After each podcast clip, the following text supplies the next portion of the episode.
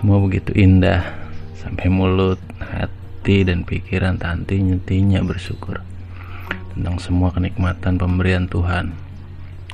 Selalu berada di tengah-tengah orang-orang baik, orang-orang yang tidak ada satupun berpikiran negatif, lewat gelak tawa yang sesungguh-sungguhnya dan ikhlas, bukan buatan atau keterpaksaan. Hingga suatu ketika, lo harus rela dan bersiap-siap. Ada kebahagiaan, pasti ada kesedihan. Ada keramaian, pasti ada kesepian. Banyak teman atau sahabat yang datang, maka bersiaplah. Ada juga teman yang akan pergi. Ketika semua terbentuk indah dan bagus, maka suatu saat pasti akan hancur dan runtuh.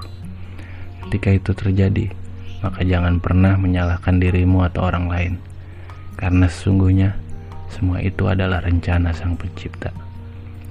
Kita hanya seorang aktor yang harus melalui semua naskah yang sudah tertulis.